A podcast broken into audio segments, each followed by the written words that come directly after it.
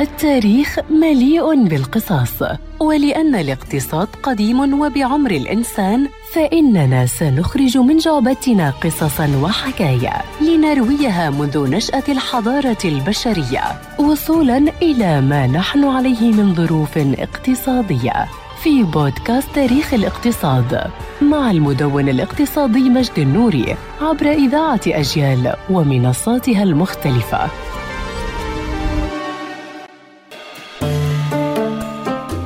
حينما تجوع أثناء غياب أمك أو خصام ما مع زوجتك ستجد الطعام المجمد كمنقذ لجوعك. ولكن هل تعلم أنه يعود لعام 1861 بتمويل من قبل الأسترالي توماس مورت الذي مول تجارب المهندس الفرنسي يوجين كول حينما قام باختراع أول أعمال التجميد في العالم والتي تحولت لشركة نيو ساوث ويلز للأغذية الطازجة والثلج. وهو الرجل الذي سجلت باسمه أول براءة اختراع لصنع الثلج لتحتاج أول شحنة لحوم مجمدة لسبعة سنوات حينما تم شحنها من أستراليا إلى أوروبا عام 1868 لتبدأ الشحنات المنتظمة من اللحوم المجمدة من أستراليا ونيوزيلندا إلى أوروبا في عام 1881 بشحنة من الأغنام النيوزيلندية المجمدة التي تم تصديرها إلى لندن على نحو سفينة لندن ثم دخلت روسيا على خط